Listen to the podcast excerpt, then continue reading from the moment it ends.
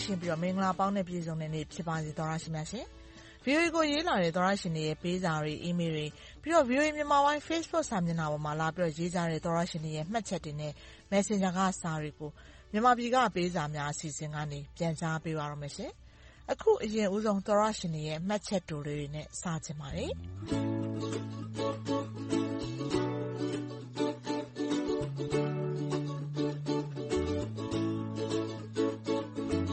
လူဝမာအန်ထွန်းအောင်ဆိုတဲ့သောရရှင်ကတော့ Good evening VOA Burmese News တဲ့မဆုမွန်နဲ့ဝိုင်းတော်သားများ3 December လို့နှုတ်ခွန်းဆက်တာအချင်းပါရဲ့။ Christmas အချိန်သမယမှာပျော်ရွှင်ချမ်းမြေ့ကြပါစေဆိုပြီးတော့ကျမတို့ဓာတ်ရိုက်အတန်ထုတ်လွှင့်မှုအောက်မှာလာပြီးတော့ဆုတောင်းပေးသွားပါရဲ့။ကျမတို့စီစာရင်းနေကြတကုံမျိုးသစ်ကသောရရှင်ဦးလာထွန်းကလည်းနှစ်မကူးခင်လေးမှာတဲ့စာတစောင်ရေးဖို့နှုတ်ဆက်လာတာပါ။ VOA ခင်ဗျာခရစ်စမတ်ကာလမှာနှလုံးစိတ်ဝမ်းအေးချမ်းကြပါစေ။ ပျော်ရွှင်ချမ်းမြေ့ကြပြီး ကျန်းမာကြပါစေလို့ မေတ္တာပို့သလိုက်ပါတယ်။၂၀၂၃ အတွက် ပြက္ခဒိန်ကို ကောင်းမွန်ဝမ်းသာစွာ လက်ခံရရှိပါတယ်ခင်ဗျာ။သတိတရ အမှတ်ရမှုအတွက် တန်ဖိုးထား လေးစားရပါကြောင်း ပြန်ကြားအပ်ပါတယ်ခင်ဗျာ။ဟုတ်ကဲ့ပါ ကျမတို့ သောရရှင်တွေအတွက် ထုံးစံအတိုင်း ၂၀၂၃ ခုနှစ်အတွက် VOA အမှတ်တရလက်ဆောင် ပြက္ခဒိန်တွေ ပို့ပေးနေတဲ့အတွက်ကြောင့် ရရှိကြောင်း စာတွေရပါတယ်နော်။ဒါနဲ့ ပြီးခဲ့တဲ့ရက်နေ့မနက် ကျမတို့ VOA က ထုတ်လွှင့်တဲ့ ရေဒီယိုအစီအစဉ်။ဒီရေဒီယိုအစီအစဉ်ကို ရုပ်မြင်သံကြားကနေလည်းဖမ်းယူကြည့်ရှုနိုင်တာပါ။အဲဒီ ရေဒီယိုနဲ့ ရုပ်မြင်သံကြား တပြိုင်နက် ဖမ်းယူကြည့်ရှုနိုင်တဲ့ရက်နေ့မနက် အစီအစဉ်မှာ အရှေ့ပိုင်းသတင်း သတင်းတိုလေးတွေကြေညာတော့သတင်းဖတ်လိုက်မိတာကတမျိုးဖြစ်သွားခဲ့ပါတယ်။တနင်္ဂနွေနေ့ကစားမယ့်နောက်ဆုံးဗိုလ်လုပွဲမှာပြင်သစ်အသင်းနဲ့အာဂျင်တီးနားအသင်းတို့ကစားရမှာဖြစ်ပါတယ်လို့တကယ်တမ်းစာရွက်မှာရေးထားပေမယ့်လည်းသတင်းဖတ်တော့ယောင်ပြီးတော့ပြင်သစ်နဲ့ဂျာမနီအသင်းလို့ပြောသွားခဲ့ပါတယ်။အဲဒီတော့အဲဒီသတင်းပြီးပြီးချင်းပဲသောတရှင်တယောက်စာရေးလာတာပါ။ဒီနေ့ VOA ရုပ်သံသတင်းထုတ်လွှင့်တဲ့နေရာမှာကမ္ဘာ့ဖလားဗိုလ်လုပွဲကိုပြင်သစ်နဲ့ဂျာမနီအသင်းတနင်္ဂနွေမှာယှဉ်ပြိုင်မယ်လို့မှားယွင်းပြီးတော့ကြေညာသွားပါတယ်။ ဖိုင်နယ်မှာ တကယ်ပြိုင်ကြမှာ ပြင်သစ်နဲ့ အာဂျင်တီးနားအသင်းပဲ ဖြစ်ပါတယ်။ဂျာမနီအသင်းထွက်သွားတာ ကြာခဲ့ပါပြီတဲ့။လူအများစိတ်ဝင်စားနေတဲ့ သတင်းမျိုး VOA သတင်းဌာနအနေနဲ့ ပေါ့ပေါ့လျော့လျော့ မဖြစ်အောင်လို့သတိထားသင့်ပါတယ်ဆိုပြီးတော့ရေးလာပါတယ်။ဟုတ်ကဲ့ပါ အခုလိုမျိုး စာရေးပြီးတော့ ထောက်ပြလာတာ အထူးကျေးဇူးတင်ပါတယ်။သတင်းတွေ ထုတ်လွှင့်ပြီးတဲ့အခါမှာလည်း ကျမတို့ အဲဒီသတင်းကို အသံနဲ့ရောနောက်ပြီးတော့သတင်းစာသားနဲ့ပါ ကျမတို့ရဲ့ VOA Web စာမျက်နှာ၊ပြီးတော့ VOA မြန်မာပိုင်း Facebook စာမျက်နှာအသီးသီးတို့မှာစာသားအပြည့်အစုံတင်ထားပေးပါတယ်။အဲဒီမှာတော့သတင်းအမှန်ဖြစ်တဲ့အတွက်ကြောင့်သောတရှင်တွေလာပြီးတော့ရေးလာတာမျိုးမရှိပါဘူး။ဒါပေမဲ့အခုနကျမပြောသွားသလိုပဲရေးတာကတခြားလေလိုင်းပေါ်မှာတိုက်ရိုက်ဖတ်သွားတဲ့အခါမှာယောင်ပြီးတော့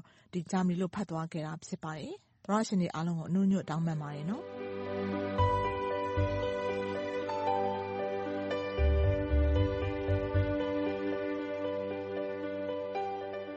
ဒီဇင်ဘာလ၁ရက်နေ့မှာ Street December ဆိုပြီးတော့ဒီဇင်ဘာလရောက်တဲ့အထိမ်းအမှတ်နှုတ်ခွန်းဆက်စာလေးတွေရေးပြီးတော့စာတိုလေးတွေရော Comment မှာစာရေးလာကြရောနောက်ပြီးတော့ Messenger မှာစာရေးပြီးတော့နှုတ်ဆက်လာတဲ့သောတရှင်တွေအားလုံးကိုရောအထူးကျေးဇူးတင်ပါတယ်လို့အရင်ပြောချင်ပါတယ်။ဒီထဲကသောတရှင်အဝေးရောက်ကျော်မိုးနိုင်ဆိုတဲ့နှစ်တိုင်းလည်းစာရေးနေကြသောတရှင်ပါ။သူလည်းဒီတခေါက်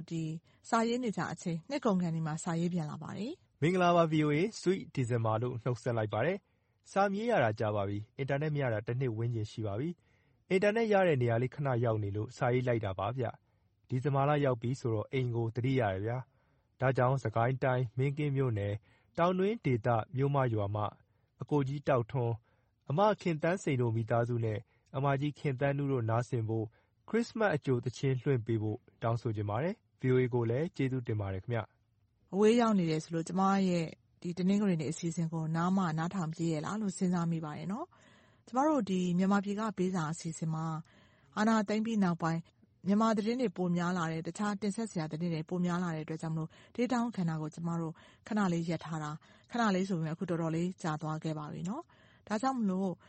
ကိုကျော်မိုးနိုင် အမကြီးတွေကိုတောင်းတဲ့ ခရစ္စမတ်အကြိုသီချင်းလေးတော့ ကျမ ဒီတခေါက် မထုတ်လွှင့်ပေးလိုက်တော့ပါဘူး။ဒါပေမဲ့လည်းကိုကျော်မိုးနိုင် အဝေးကနေ ဆုတောင်းပေးလာတဲ့ စစ်ကိုင်းတိုင်း မင်းကင်းမြို့နယ် တောင်တွင်းဒေသ မြို့မရွာက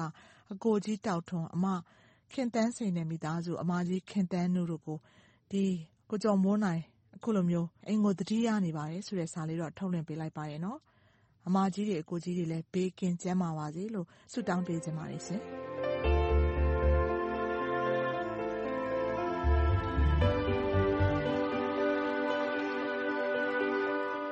ရင်ဖွင့်လာတဲ့ သောတရှင်တွေရဲ့ စာတွေကို ဆက်ပြီးတော့ဖော်ပြပေးချင်ပါတယ်။ ကျွန်တော်ရင်ဖွင့်ချင်နေတာကြာပါပြီဆိုပြီးတော့ CDM ဝန်ထမ်းတယောက်သူတို့ကြုံနေရတဲ့အခက်အခဲကိုအခုလိုစာရေးပြီးရင်ဖွင့်လာပါတယ်။ VOA ခင်ဗျာကျွန်တော်ရင်ဖွင့်ချင်နေတာကြာပါပြီ။ကျွန်တော်ပြည်သူ့ဝန်ထမ်း CDM တယောက်ပါ။အရင်နှစ်တုန်းက CDM ထောက်ပံ့ကြေးနှစ်လခြားသုံးသောင်းတခါ၊လေးသောင်းတခါ၊ငါးသောင်းတခါရခဲ့ဖူးပါတယ်။ကျွန်တော့်မှာမိသားစုခုနှစ်ယောက်ရှိပါတယ်။အဆင်ပြေအောင်ကြိုးစားပြီးရုန်းကန်ရပါတယ်။ ဒီနှစ်မှာတော့ တနှစ်လုံးနှစ်သောင်းစီခွဲပြီးနှစ်ခါလေးသောင်းရပါတယ်။ပြောချင်တာက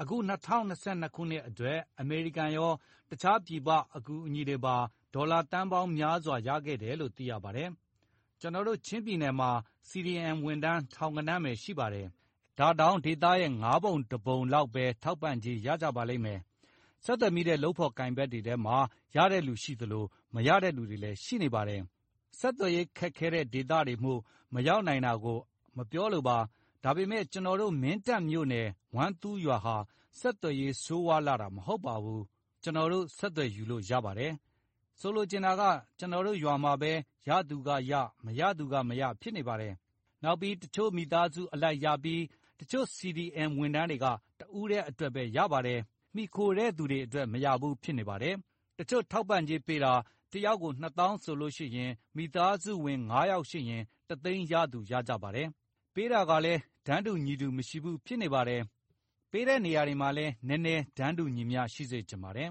။ရွာထဲမှာ စစ်ဘေးရှောင်လာသူတွေအနေနဲ့လည်း မိသားစုအလိုက်ရကြတာတွေရှိပါတယ်။ CDM တွေက စစ်ဘေးရှောင်တွေမဟုတ်ဘူးလို့ အပြောခံရတာလည်းရှိပါတယ်။ CDM က ဘယ်လိုဒုက္ခသည်အမျိုးအစားတွေထဲမှာပါပြီး မိသားစုအလိုက်ထောက်ပံ့ကြေးရမှာပါလဲခင်ဗျာ။ VOA ကနေတဆင့် သက်ဆိုင်သူတွေ ကြားသိအောင် VOA ပေးစာပြန်စာကဏ္ဍကနေတဆင့် ပြောပေးပါခင်ဗျာ။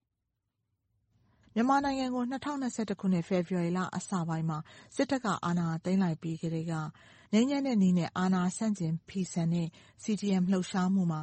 အစိုးရဝန်ထမ်းတွေ တော်တော်များများ ပါဝင်လုပ်ဆောင်ကြတာတွေ ရှိပါတယ်။အခုဆိုရင် ၂ နှစ်နီးပါး ကြာလာပြီမို့ သူတို့ ဌာနဆိုင်ရာ အလုပ်တွေကို သွားမလုပ်ရတဲ့ ကာလကလည်း ၂ နှစ်နီးပါး ရှိလာပါပြီ။ တချို့တွေကတော့ တခြားအလုပ်တွေ ပြန်လုပ်နိုင်ပေမယ့်အနည်းစုပဲ ဖြစ်ပါတယ်။ဒါကြောင့်အများစုအနေနဲ့ကတော့ တော်တော်စားဝတ်နေရေး အခက်အခဲတွေ မျိုးစုံနဲ့ ကြုံတွေ့နေရပါတယ်ဆိုပြီးဒီလိုစာမျိုးတွေ မကြာခဏ ရေးလာတတ်ကြပါတယ်။သောတရှင်တွေရဲ့ ပေးစာတွေကိုတော့ ဒီတပတ် ဒီမှာတင် ရပ်ချင်ပါတယ်ရှင်။အားလုံးအတွက် ပိုမိုကောင်းမွန် အဆင်ပြေတဲ့ နေ့ရက်တွေ အမြန်ဆုံး ရရှိနိုင်ပါစေလို့ ဆုတောင်းပေးချင်ပါတယ်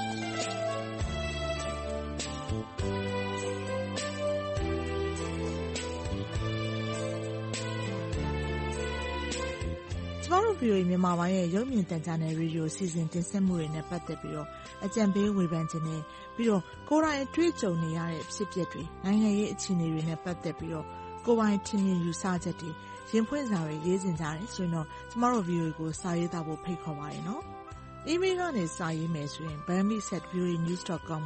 မြန်မာပြည်မှပေးစာများ အစီအစဉ်ဆိုပြီးတော့ရေးသားပေးပို့နိုင်ပါတယ်။ Facebook အသုံးပြုတဲ့သူတွေအနေနဲ့လည်း VOA Burmese News ဆိုတဲ့ VOA မြန်မာပိုင်းရဲ့ Facebook စာမျက်နှာကိုသွားပြီးတော့ မှတ်ချက်တွေလာပြီးတော့ရေးနိုင်တယ်လို့ VOA မြန်မာပိုင်း Facebook Messenger ကနေပြီးတော့လည်းစာရေးပို့လို့ရပါတယ်။သောရရှင်တွေစီကတုံ့ပြန်အကြံပြုလာမှာတွေကိုစောင့်မျှော်ကြိုးစွနေပါတယ်ရှင်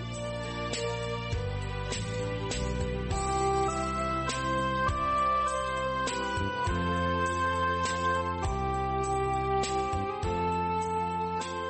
မြန်မာနိုင်ငံနဲ့ နိုင်ငံတကာက ရေးသားပေးပို့လာတဲ့ VOA မြန်မာပိုင်းသောတရှင်တွေရဲ့ ဝေဖန်အကြံပေးစာတွေ၊ရင်ဖွင့်စာတွေနဲ့ ဒေသချင်းတောင်းလွှာတွေကို တနင်္ဂနွေနေ့ညပိုင်းနဲ့ တနင်္လာနေ့မနက်ပိုင်း အချိန်တွေမှာ မြန်မာပြည်က ပေးစာများအစီအစဉ်ကနေ ထုတ်လွှင့်တင်ဆက်ပေးနေပါတယ်။ရေဒီယိုကနေ ဖမ်းယူနားဆင်နိုင်တဲ့အပြင် ရုပ်မြင်သံကြားကနေလည်း ထုတ်လွှင့်ပေးနေသလို VOA မြန်မာပိုင်း Facebook စာမျက်နှာနဲ့ YouTube စာမျက်နှာတို့ကနေလည်း ထုတ်လွှင့်ချိန်နဲ့ တပြိုင်နက်တည်း တိုက်ရိုက်နားဆင်နိုင်ပါတယ်။ လွှင့်ထုတ်ပေးခဲ့ပြီးတဲ့အစီအစဉ်တွေကို Facebook နဲ့ YouTube ပေါ်မှာပြန်ပြီးနားထောင်နိုင်သလို VOA အင်တာနက်စာမျက်နှာနဲ့ဖုန်းပေါ်က VOA App တွေမှာလည်းသွားပြီးနားထောင်ကြည့်ရှုနိုင်ပါတယ်။ကျမတို့ရဲ့ VOA App နာမည်က VOA Burmese ဖြစ်ပါတယ်။ကျမတို့ရဲ့အင်တာနက်စာမျက်နှာလိပ်စာက burmese.voanews.com ဖြစ်ပါတယ်။ကျမအေးသန္တာကျော်ပါ။ VOA ကိုလည်းစာရေးကြပါအောင်နော်။သောရရှင်တွေအားလုံးဘေးအန္တရာယ်ကင်းရှင်းရွှင်လန်းချမ်းမြေ့ကြပါစေရှင်